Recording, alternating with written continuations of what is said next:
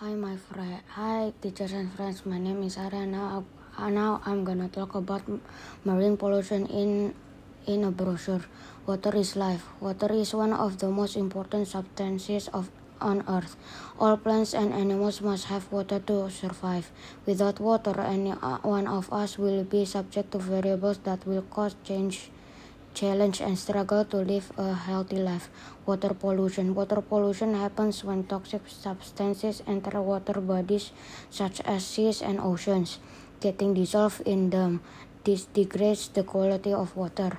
Silent killer, microplastic and plastic pollution is hurting marine life. Over 30% of plastic waste comes from food packaging and once it enters the ocean, it becomes a silent killer. Marine dumping. Ocean dumping is an activity that indicates dumping of various kinds of pollutants, many human generated in the ocean water. Beach cleanups. Having mandatory beach cleanups to slowly make our oceans clean and blue again. Building a community by having the same mission to care for the oceans and to save the life above the underneath the sea.